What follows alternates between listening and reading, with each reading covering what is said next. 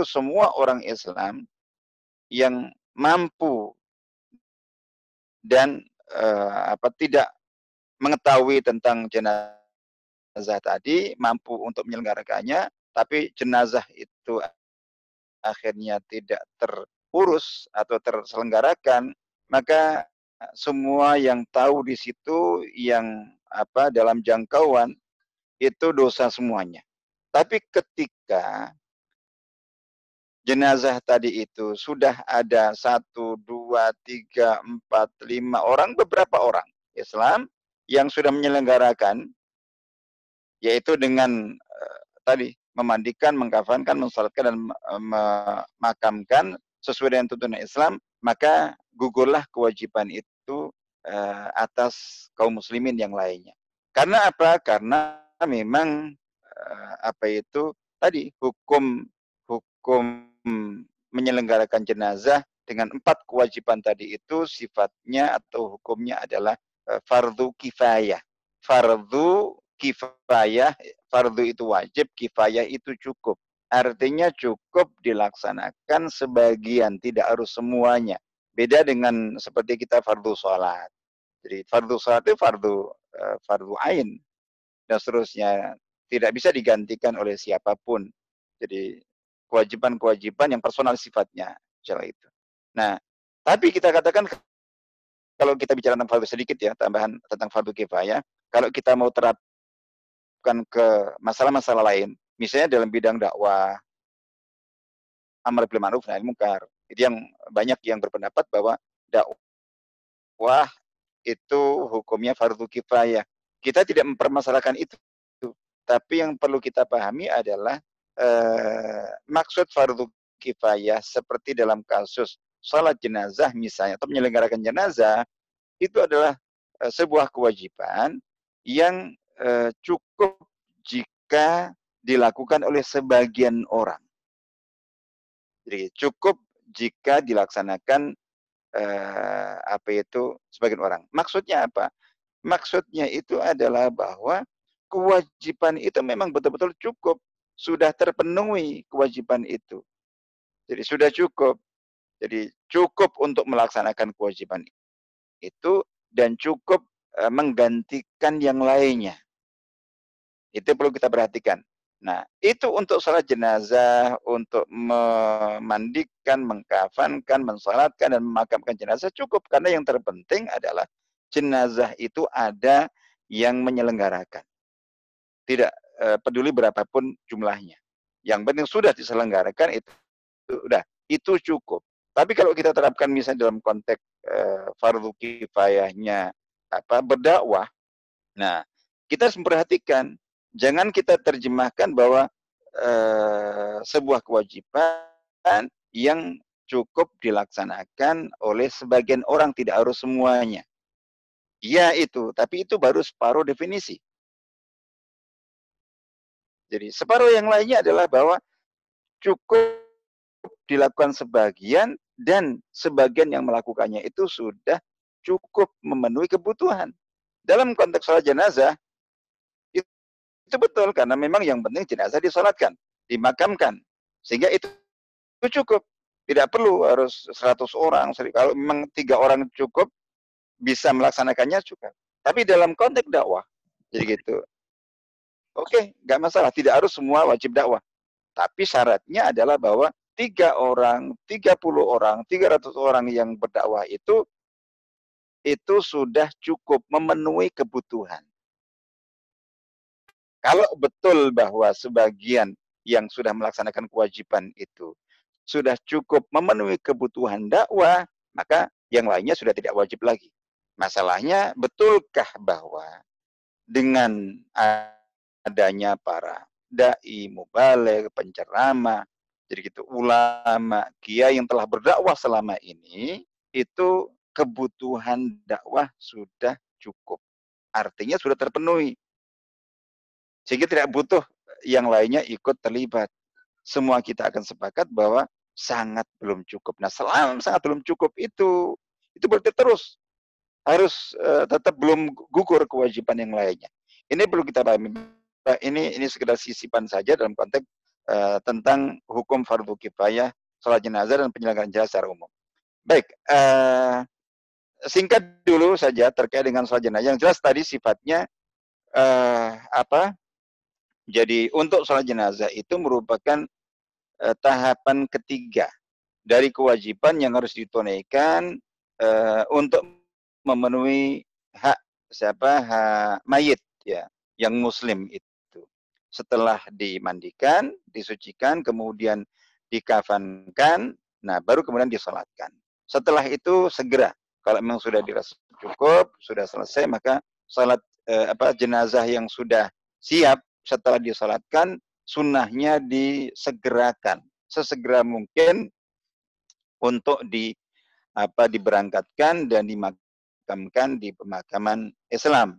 Dalam hadisnya dikatakan bahwa jadi menyegerakan pemakam pemakaman jenazah itu dikatakan oleh Nabi SAW jika jenazah itu jenazah orang baik maka menyegerakan pemakamannya itu adalah sebuah kebaikan yang kita berikan kepada dia. Dianya jadi bagi dia itu lebih cepat dimakamkan lebih baik. Jadi gitu. Sementara jika jenazah itu adalah jenazah orang yang jahat, orang yang buruk, maka menyegerakan eh, apa itu pemakaman dia itu adalah mempercepat atau melepaskan beban dari pundak orang-orang yang masih hidup. Lepaskan dari situ. Oke. Nah, tentang eh, sholat jenazah ini, ini berbeda. Jadi namanya sholat. Kalau namanya sholat itu berarti eh, berlaku padanya syarat-syarat salat. Yang berbeda nanti rukunnya. Untuk syarat sama. Untuk syarat sama. Yaitu bahwa yang melakukannya itu harus eh, apa itu harus bersuci, bersuci baik suci lahiriah dalam arti tidak ada yang najis di tubuh atau pakaiannya. Yang kedua adalah bersuci dalam arti uh, suci apa suci wudhu. Jadi berwudhu berarti terus kemudian apa menghadap kiblat ya kemudian iya menutup aurat. Jadi bersuci menghadap kiblat apa menutup aurat menghadap kiblat. Itu yang paling inti. Itu itu itu itu, itu mutlak. Karena ini sholat. Kalau tidak terpenuhi itu tidak sah kecuali dalam kondisi yang uh, darurat insya Allah itu jadi eh, itu ini sholat. Tapi tata cara sholatnya berarti kemudian juga rukun sholatnya berbeda. Soal kita sudah sama-sama tahu bahwa tidak ada ruku, tidak ada iktidal, tidak ada sujud, tidak ada duduk antara dua sujud, tidak ada tahiyat. Jadi karena sholat jenazah itu hanya berdiri saja. Berdiri saja, menghadap kiblat, lalu kemudian uh, apa itu diisi dengan takbir empat kali. Takbir empat kali, jadi gitu. Yang takbir empat kali itu uh, yang pertama membaca Al-Fatihah, setelah takbir pertama membaca Al-Fatihah, setelah takbir kedua itu membaca salawat, uh, seperti salawat Ibrahimiyah yang kita baca di salat biasanya, yang ketiga, setelah takbir takbir ketiga adalah membaca doa untuk mayit. Allah maghfirlahu warhamhu wa'afi wa'afu anhu. Terus kemudian yang setelah takbir yang keempat doa juga. Silahkan ya baik doa yang ketiga diulang lagi, doa sebelum itu diulang atau mungkin doa lain eh, yang dirangkai dan seterusnya. Intinya adalah doa. Nah, terus kemudian ditutup dengan salam. Jadi ditutup dengan salam seperti biasa, semuanya dilakukan dalam keadaan berdiri. Baik, jadi itu seperti itu, itu bedanya dengan ini sholat hukumnya syarat-syarat sehingga berlaku padanya syarat-syarat sholat, tapi untuk uh, tata cara sholatnya, rukun-rukun sholatnya berbeda dengan uh, sholat yang biasa kita lakukan. Syarat-syarat bagi mayit, tadi ini terkait dengan syarat-syarat. Kalau tadi syarat-syarat sholatnya, syarat-syarat bagi mayit uh, atau bagi yang tadi yang bagi yang sholatkan ya, ini bagi mayit adalah yang apa pertama Islam. Jelas ya. Yang kedua adalah adanya jasad. Ini jasadnya ada sholat ini mensolati tapi tidak jasad nah nanti ada hukum sholat gaib babnya jadi Artinya ketika eh, ini sudah tidak ada. Jadi naudzubillah misalnya ke bahwa meninggalnya tenggelam atau dimakan uh, binatang buas naudzubillah. Intinya tidak uh, atau hilang jenazahnya. Hadirnya jenazah. Ini yang disepakati. Karena kalau nanti kan kan bisa juga surat apa gaib itu, ada hukum khusus. Kita yang normal dulu. Ada kehidupan sebelumnya. Ini bagi janin. Jadi artinya bahwa ini gimana nih? ada seorang ibu hamil terus keguguran. Bagaimana perlakukan janinnya? Itu tergantung.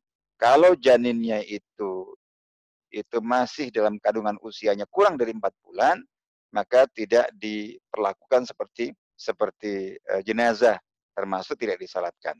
Karena tidak ada kehidupan sebelumnya, dia belum hidup aslinya. Jadi gitu. Tapi kalau sudah melap, apa itu mencapai usia empat uh, bulan ke atas, sudah ditiupkan roh, maka itu itu itu maksudnya di sini. Kemudian jenazah itu suci berarti sudah dimandikan, tidak boleh disyaratkan sebelum disucikan, lalu kemudian eh, bukan jenazah yang mati syahid. Karena jenazah yang mati syahid itu tidak dimandikan, tidak dikafani, di, apa, dimakamkan dengan pakaian yang dipakai waktu akhir itu, terus kemudian eh, tidak disalatkan dan Eh, langsung dimakamkan. Insya Allah begitu.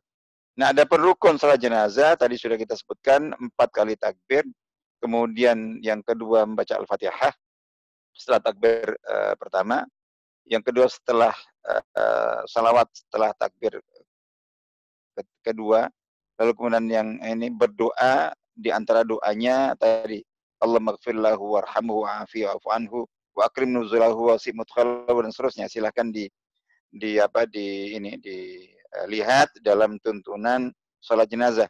Jadi ada juga uh, apa itu? Jadi Allah maghfir li hayyina wa mayyitina wa syahidina wa ghaibina dan seterusnya. Ada beberapa redaksi doa yang bisa dibaca uh, setelah takbir yang ketiga, begitu juga setelah takbir yang keempat. Dibedakan itu uh, bagus jika punya redaksi beberapa doa sebagian dibaca di setelah takbir ketiga, uh, sebagian dibaca setelah takbir yang ke yang keempat. Atau kalau tidak hafal nggak masalah seandainya doa yang sama setelah yang dibaca di setelah takbir ketiga dibaca di setelah takbir yang ke apa yang keempat. Lalu kemudian setelah itu kemudian salam dan disunahkan untuk berdoa sebelum salam seperti doa sebagai berikut Allahumma la tahrimna ajrahu wa la taftinna ba'dahu wa la uh, tudhillana ba'dahu itu seterusnya secara umum. Itu secara umum ya uh, apa itu jenazah apa itu salat jenazah itu ada catatan bahwa saat mensolatkan jenazah kan menghadap kiblat. Posisi kepala mayit itu di sebelah utara. Di di hadapan yang salat. Jadi posisinya di depan uh, apa itu yang mensolatkan dan uh, diletakkannya itu dalam posisi kepala ke arah uh, ke arah utara. Ada sebagian yang mengatakan uh, yang mempraktekkan ke arah selatan. Bila mayatnya laki-laki, maka imam atau orang yang sholat, jadi imam kalau ini sholat berjamaah, atau orang yang sholat sendiri kalau dia sholat sendiri, maka imam berposisi atau orang yang sholat berposisi lurus dengan kepala mayit. Itu sunnahnya. Seandainya tidak seperti itu boleh, tapi itu sunnah.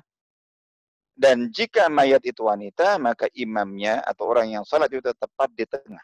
Jadi itu tuntunan dalam hal sholat uh, jenazah.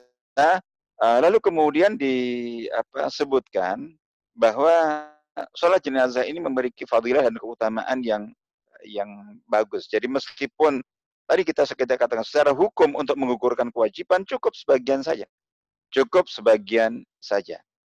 Nah, tapi ada dua keutamaan bahwa agar kaum muslimin itu memiliki semangat yang besar untuk salat. Karena ini ada catatan ya, catatan sebagai pengingat untuk sebagai perhatian eh, masyarakat umumnya itu luar biasa ya, luar biasa apa itu.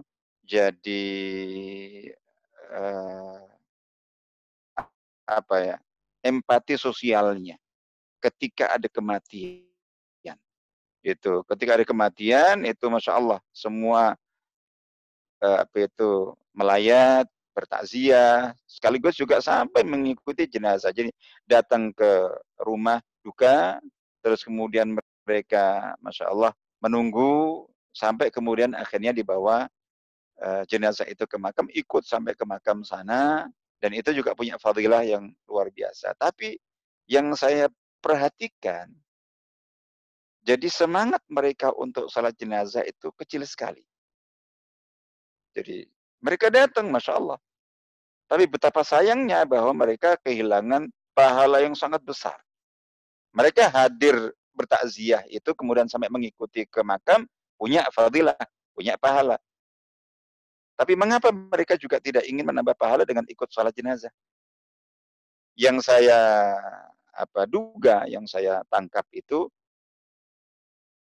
kemungkinan ini murni karena dasar ini pemahaman fikih yang kurang pas. Jadi karena meyakini mungkin bahwa sholat jenazah ini kan fardu kifayah. Jadi fardu kifayah.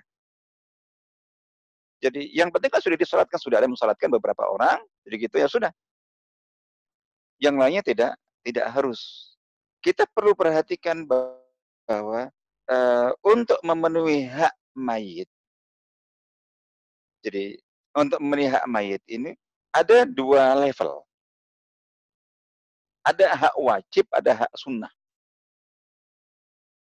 Kalau untuk hak wajibnya betul. Yaitu bahwa yang penting mayit itu ada yang mensolatkan. Haknya telah terpenuhi, hak wajibnya. Standar minimal. Tapi kalau uh, kita ingin memberikan hak yang lebih baik, jadi hak sunnahnya, maka uh, uh, jumlah jamaah yang salat mensolati jenazah seorang jenazah itu semakin banyak jumlahnya semakin afdal bagi si mayit.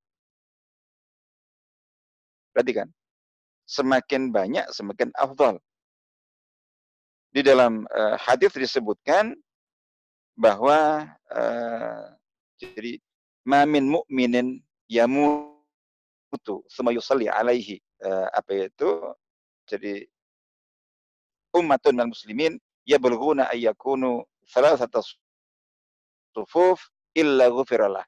Tidak ada seorang mukmin yang meninggal kemudian disalatkan sekelompok orang Islam, sekumpulan orang Islam yang jumlahnya mencapai uh, tiga saf. Kecuali dia akan diampunkan. Nah itu dia kan dia katakan bahwa semakin banyak jumlah yang mensolatkan itu uh, akan memberikan fadilah keutamaan yang lebih besar. Termasuk ini kan doa kan. Salat jenazah itu tujuannya adalah memberikan doa kepada jenazah. Semakin banyak yang mendoakan tentu semakin baik. Karena kita tidak tahu di antara puluhan atau ratusan atau kalau sampai banyak ribuan yang ikut sholat itu kita tidak tahu doanya siapa itu yang dikabulkan Allah. Tentu kita berharap mudah-mudahan insya Allah terkabul doanya. Tapi kan kita tidak bisa memastikan. Maka semakin banyak yang berdoa, harapan pengkabulan itu semakin besar. Atau paling tidak, kalaupun, kalaupun kalau seandainya, kan dikabulkan semuanya. Itu dikabulkan semuanya ketika jumlahnya lebih banyak, tentu akan lebih dahsyat. Itu satu pertama. Yaitu bahwa ketika meskipun jenazah sudah disolatkan sebagian, jadi gitu, kita tidak cukup dengan itu. Kita untuk gugurnya kewajiban fardu kifayah, iya. Untuk terpenuhnya hak wajib bagi si mayat, iya. Tapi kalau kita ingin memberikan hak yang lebih baik kepada si mayat, itu maka kemudian semakin banyak orang yang ikut sholat, itu semakin bagus. Ini dari sisi kepentingan dan kemaslahatan mayit. Yang lebih penting lagi itu adalah kepentingan kemaslahatan yang salat. Fadilah salat janam uh, salat mayit itu luar biasa. Dalam hadis itu disebutkan mutafaq alaih riwayat Imam Muslim man shalla ala janazatin falahu qirat. barang siapa yang ikut sholat jenazah, maka dia berhak mendapatkan pahala seukuran satu kirat. Wa man tabi'aha uh, hatta tutfan dan barang siapa yang mengikutinya sampai kuburan sampai dia dimakamkan, maka falahu kiratan dia mendapatkan hak pahala senilai uh, apa itu jadi sen, senilai dua kirat. Nah, apa kirat itu? Kirat itu ukuran yang dikatakan itu sebesar gunung. Digambarkan saatnya kok di uh, apa ya difisikkan itu itu sebesar gunung dalam riwayat dikatakan bahwa yang terkecil itu sebesar gunung Uhud. Jadi minimal ketika kita ikut salat jenazah itu kita hmm. mendapatkan pahala minimal dengan uh, apa itu jadi sebesar gunung Uhud luar biasa. Ya tentu sangat sayang sekali kalau sampai itu di apa di uh, dilewatkan insya Allah begitu. Uh, nah yang perlu kita tadi di dalam riwayat uh, itu dikatakan bahwa barang siapa yang ini jadi artinya bahwa bahwa afdalnya ini sunahnya. Jadi uh, apa itu jenazah itu itu kalau dia berjamaah maka uh, sholatnya itu dia baris. Di sholatnya di baris itu minimal tiga saf. Tentu lebih banyak uh, lebih baik. Tapi kalau misalnya kok ini safnya panjang, terus kemudian jumlah yang ada terbatas, dan kalau kita memenuhi soft itu sampai kanan kirinya penuh, itu hanya cukup satu soft atau hanya cukup dua soft. Maka sunnahnya eh, tidak apa-apa satu soft tidak penuh eh, menyamping kanan kirinya, tapi lebih baik dibuat eh, tiga soft minimal. Lebih baik itu lebih lebih banyak lebih baik softnya tentunya. Eh, lalu kemudian terkait dengan sholat jenazah eh, bagi orang perempuan itu secara umum juga sama bahwa fadilah yang tadi dijanjikan barang siapa yang sholat jenazah akan dapat pahala sebesar uh, kirot atau sebesar gunung Uhud minimal itu juga berlaku bagi kaum perempuan. Insyaallah. Jadi karena tidak ada pengecualian di situ. Kalau sholat jenazah hanya untuk laki-laki saja, perempuan juga juga iya disunahkan, tinggal bagaimana cara ngaturnya begitu saja. Jadi seperti itu. Lalu kemudian uh, apa itu? Jadi ini sedikit tentang sholat jenazah dua yang perlu saya sampaikan. Pertama salat jenazah gaib. Kalau tadi kan jenazah ada, jenazah hadir. Jadi gitu. Nah, ini jenazah jenazah salat jenazah gaib itu artinya salat jenazah sementara jenazah jenazahnya tidak ada di depan kita. Jadi seperti yang baru ini itu uh, sahabat saya yang paling baik Dr. Yusuf uh, eh, Dr.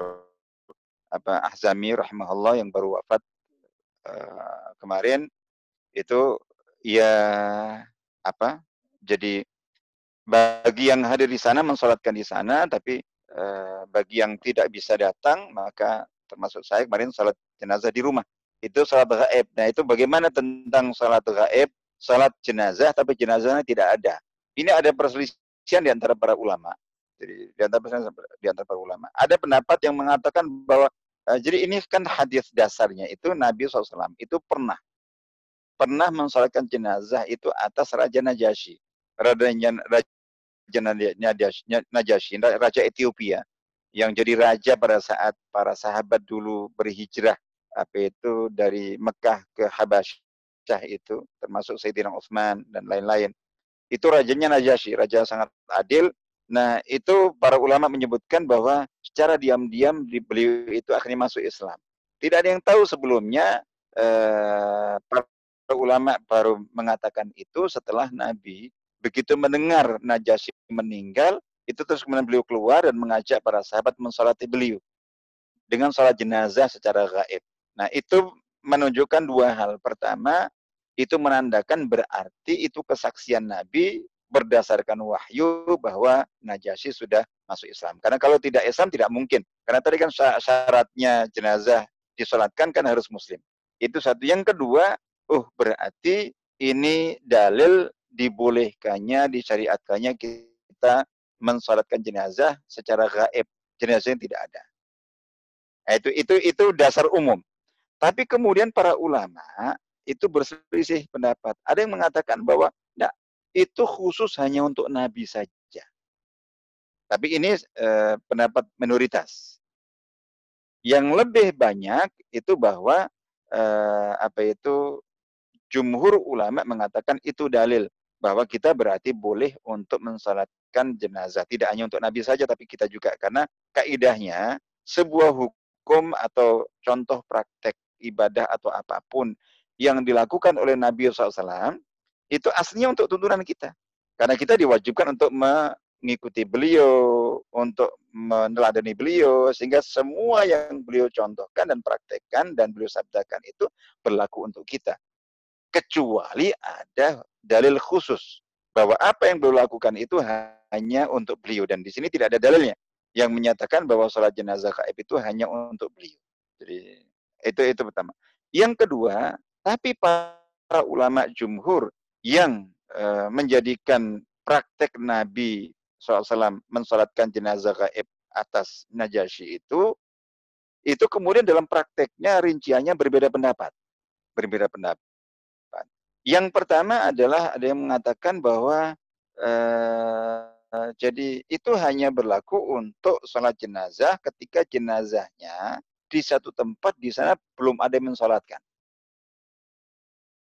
Kalau sholat apa kalau jenazah itu sudah ada yang mensolatkan itu eh, tidak boleh karena contohnya tadi contohnya itu adalah bahwa ya Nabi SAW itu sholat jenazah eh, padanya Najasyi karena Najasyi ini nggak ada yang mensolatkan Sementara kalau sudah ada yang mensolatkan tidak disyariatkan uh, untuk yang lainnya di kota lain di tempat lain mensolatkan jenazah uh, secara gaib.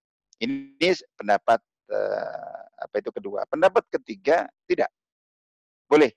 Jadi ini apa itu boleh siapa pun itu apa jadi selain ini selain yang seperti itu artinya bahwa meskipun di tempatnya sudah disalatkan, boleh yang lainnya di tempat lain, di kota lain, di daerah lain juga mensalatkan juga. Itu secara gaib eh, dikatakan jika yang bersangkutan itu merupakan tokoh, orang spesial bagi yang bersangkutan. Baik dia orang terdekat, misalnya keluarga. Itu kan keluarga yang eh, jauh tidak bisa datang, tidak bisa mensalatkan langsung, atau dia tokoh besar. Jadi kayak contoh kemarin dokter uh, Ahzami rahimahullah itu ya bagi yang mengenal beliau, mengetahui bagaimana keagungan beliau, kemuliaan beliau, masya Allah, spesialnya beliau itu atau tokoh-tokoh ulama misalnya begitu di dunia ketika wafat itu rata-rata diserukan kaum muslim untuk misalkan itu spesial khusus misalnya gitu. Nah pendapat lain mengatakan nah, siapa pun tidak harus uh, orang spesial karena tidak ada dalil itu semua. Jadi seperti ini tentang uh, salat uh, jenazah gaib. Yang terakhir yang ingin saya sampaikan adalah sholat jenazah itu di makam. Jadi ini ada ada bagi orang yang misalnya kok melayat, keluarga datang dan seterusnya, ternyata jenazah sudah dimakamkan, dia belum ikut mensolatkan. Jadi seperti yang biasa saya praktekkan. Nah, itu maka Nabi SAW itu pernah ada riwayat minimal ada dua yang saya temukan. Jadi Nabi SAW dalam hadis Ibnu Abbas itu pernah beliau berjalan, terus kemudian beliau mendapati ada uh, makam yang masih baru, masih basah. Berarti baru saja ini dimakamkan. Terus beliau kemudian uh, sholat apa itu jenazah di situ dan para sahabat uh, bersof-sof di belakang beliau dan beliau bertakbir empat kali. Ya ini ada yang mengatakan bahwa enggak Nabi kata-kata sholat di situ bukan sholat jenazah yang kita kenal, tapi maksudnya doa. Karena arti sholat itu adalah doa. Nah, yang membantah bahwa itu beliau hanya berdoa saja, eh, apa itu? Jadi beliau salat itu karena beliau dikatakan wakab baru arbaan. Beliau ketika salat di makam itu, eh, beliau bertakbir empat kali. Berarti ini salat jenazah. Yang kedua adalah sama. Jadi ada seorang eh, wanita, sahabat wanita berkulit hitam yang biasa membersihkan masjid. Tiap hari itu membersihkan masjid, menyapu masjid, itu. Nah, eh, jadi Nabi SAW ketika di masjid selalu melihat beliau. Nah, pada suatu hari Nabi kehilangan beliau. Ini kok nggak seperti biasanya. Ibu itu ke mana kok eh, tidak menyapu lagi? Para sahabat memberitahu bahwa eh, beliau sudah meninggal. Loh, kenapa kalian tidak memberitahu aku? Jadi, nah, jadi rupanya sahabat itu mendapati uh, wanita tadi meninggal di malam hari, terus kemudian diselenggarakan, dimandikan, dikafani, disalatkan dan dimakamkan malam hari itu dan tidak membangunkan Nabi atau memberitahu Nabi malam-malam cukup mereka selenggarakan sendiri. Nah, Nabi kemudian mengatakan, kenapa kalian tidak memberitahu aku? Ya sudah, tunjukkan aku ke makamnya, lalu kemudian uh, ditunjukkan makamnya dan kemudian beliau salat di sana, mensalatkan uh, jenazah wanita berkulit hitam tadi itu di makamnya. Jadi seperti itu. Ini contoh praktik artinya bahwa uh, ketika kita misalnya ada satu keluarga atau siapa itu dibolehkan. Meskipun ini khilafiyah di antara para ulama, uh, tapi saya lebih setuju dengan kebolehan itu khususnya untuk orang-orang yang spesial. Saya uh, dulu juga biasa melakukan itu untuk orang-orang terdekat saya, uh, termasuk pada saat ibu saya wafat waktu itu, saya pulang itu sudah sudah dimakamkan. Ya saya akhirnya mensolatkannya di, di makam. Baik, insya Allah itu uh, apa kajian kita pada pada pagi hari ini tentang sholat jenazah. Uh, apa itu mudah-mudahan bermanfaat dan kita cukupkan sampai di sini. Uh, silakan kalau memang ada pertanyaan atau ada tambahan atau ada yang perlu diperjelas. Gimana? Ada pertanyaan? Ada tambahan? Halo. Baik. Ustaz. Ya. Monggo teman-teman yang ingin bertanya, persilahkan.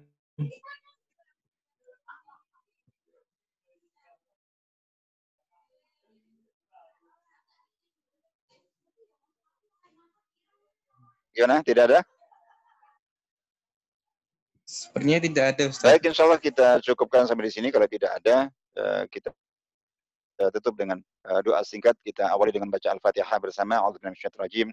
بسم الله الرحمن الرحيم. الحمد لله رب العالمين. الرحمن الرحيم. مالك يوم الدين. إياك نعبد وإياك نستعين. اهدنا الصراط المستقيم. صراط الذين أنعمت عليهم غير المغضوب عليهم ولا الضالين. آمين. بسم الله الرحمن الرحيم. الحمد لله رب العالمين. حمدا يوافي نعمه وكافي مزيده. يا ربنا لك الحمد كما ينبغي لجلال وجهك وسلطانك اللهم صل على سيدنا محمد وعلى آل سيدنا محمد والحمد لله رب العالمين. اللهم إنا ظلمنا أنفسنا ظلما كثيرا ولا يغفر الذنوب إلا أنت فاغفر لنا مغفرة من عندك وارحمنا إنك أنت الغفور الرحيم. اللهم اللهم إنا نسألك العافية في الدنيا والآخرة. اللهم إنا نسألك العفو والعافية في ديننا ودنيانا وأهلنا وأموالنا. اللهم استر عوراتنا وآمن روعاتنا. اللهم احفظنا من بين أيدينا واحفظنا من خلفنا واحفظنا عن أيماننا واحفظنا عن شمائلنا. واحفظنا من فوقنا اللهم إنا نعوذ بعظم بعظمتك من أن نغتر من تحتنا ربنا آتنا في الدنيا حسنة وفي الآخرة حسنة وقنا عذاب النار سبحان ربك رب العزة عما يصفون وسلام على المرسلين والحمد لله العالمين والسلام عليكم ورحمة الله وبركاته. وعليكم السلام ورحمة الله وبركاته. سبحان الله أستاذ. وسلام إن شاء الله سبحانك بالمنفعه. آمين. Thank.